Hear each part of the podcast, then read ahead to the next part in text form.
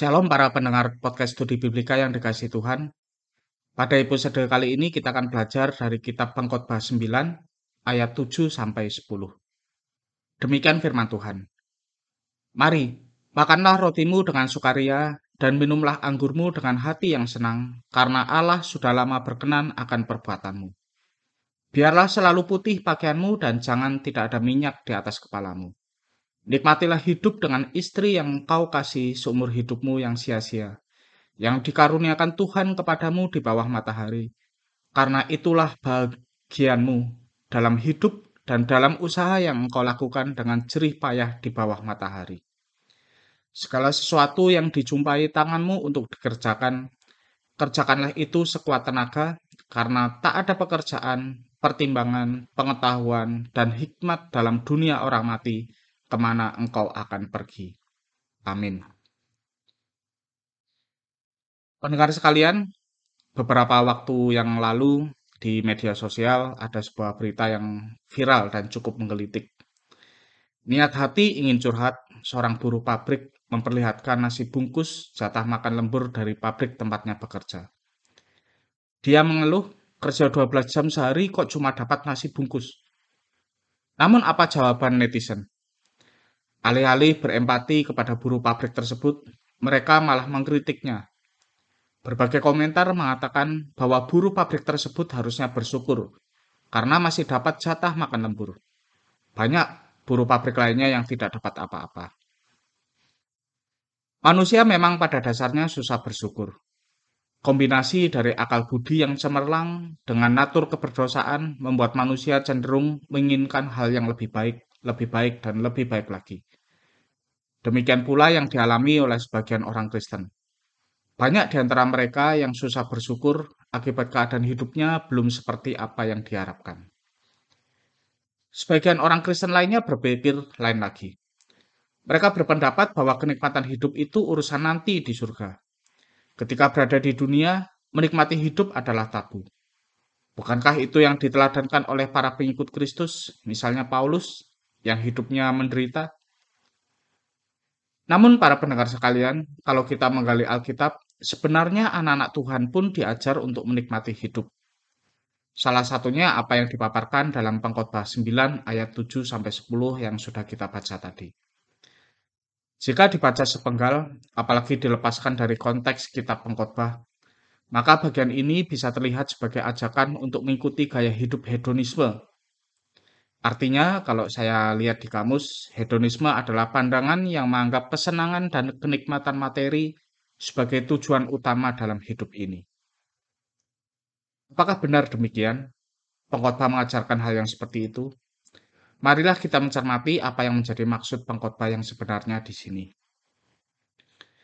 Kalau para pendengar sekalian membaca ayat sebelumnya yaitu ayat 1 sampai 6, Pengkhotbah menyatakan suatu fenomena yang sulit untuk diterima secara rohani.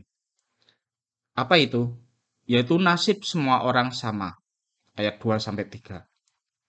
Baik tukang beca maupun direktur bank pada akhirnya akan mati. Kemudian di dalam ayat 11, pengkhotbah juga memaparkan bahwa dunia sering terlihat tidak adil. Ada orang yang ikut Tuhan sungguh-sungguh, namun hidupnya sengsara. Tetapi ada orang yang melanggar firman Tuhan, malah hidup makmur. Lebih jauh lagi, kematian bisa tiba-tiba menghampiri manusia kalau di dalam ayat 12 dikatakan seperti ikan yang tertangkap dalam jala atau seperti burung yang tertangkap dalam jerat.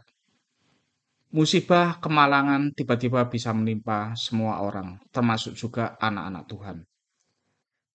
Kita ingat ketika Indonesia mengalami gelombang kedua pandemi COVID-19 tahun lalu, beberapa kali kita juga dikejutkan dengan berita kematian dari orang-orang yang kita pikir kecil kemungkinan akan menjadi korban keganasan virus tersebut.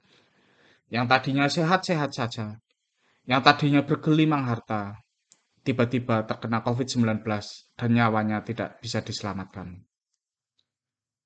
Ketidakpastian semacam ini tentu bisa membuat kita menjadi cemas.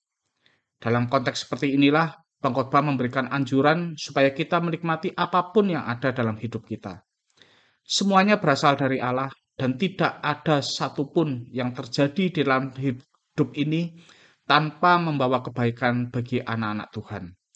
Roma 8 ayat 28. Ini ayat yang sangat terkenal. Kita tahu sekarang bahwa Allah turut bekerja dalam segala sesuatu untuk mendatangkan kebaikan bagi mereka yang mengasihi Dia, yaitu bagi mereka yang terpanggil sesuai dengan rencana Allah. Baik itu makanan di dalam ayat 7, kita pengkhotbah tadi, pergaulan di dalam ayat 8, istri ayat 9, pekerjaan ayat 10, dan sebagainya, itu semuanya merupakan pemberian Allah. Maka Nikmatilah itu selagi masih diberi kesempatan untuk menikmatinya. Salah satu hikmat dari pengkhotbah adalah kita diajar untuk seimbang. Memang fokus kita ada pada kekekalan dan hidup di dalam Kristus. Tetapi jangan lupakan untuk menikmati kehidupan di dunia ini. Justru jika kita telah merasa puas di dalam Kristus, maka kita pasti juga akan mudah untuk menikmati kehidupan ini. Yang salah adalah mengejar kenikmatan hidup sebagai tujuan utama sehingga menomorduakan Kristus. Jangan terjebak di dalam gaya hidup hedonisme seperti yang tadi saya sudah jelaskan.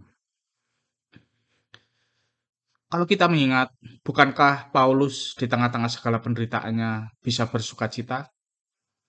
Bahkan Tuhan Yesus sendiri pun tetap menikmati hal-hal kecil seperti makan dan minum, walaupun sedang menjalankan misi yang sangat berat.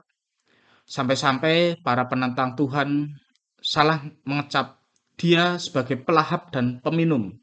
Kita dapat membacanya di dalam Lukas 7 ayat 34. Saya bacakan. Kemudian anak manusia datang, ia makan dan minum, dan kamu berkata, Lihatlah, ia seorang pelahap dan peminum, sahabat pemungut cukai dan orang berdosa. Di dalam pandangan para penentangnya Tuhan Yesus itu dicap sebagai orang yang maaf mungkin rakus memburu kenikmatan dunia, makan minum, bergaul dengan orang-orang berdosa dan sebagainya.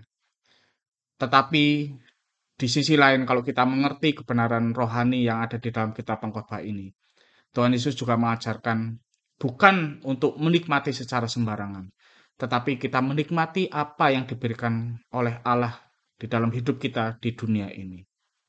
Apa pun itu. Maka dari itu, mari nikmatilah hidup karena itu yang berkenan bagi Tuhan. Amin.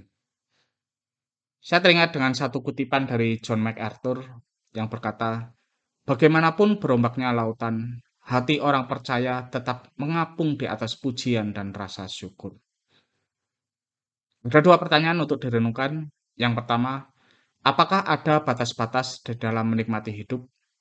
Jelaskan dengan menggunakan contoh sehari-hari. Yang kedua, apa saja kenikmatan hidup yang selama ini terluput dari perhatian Anda? Daftarkanlah dan cobalah menikmatinya di dalam Tuhan dan bersyukurlah. Tuhan memberkati dan sampai jumpa di dalam episode-episode selanjutnya.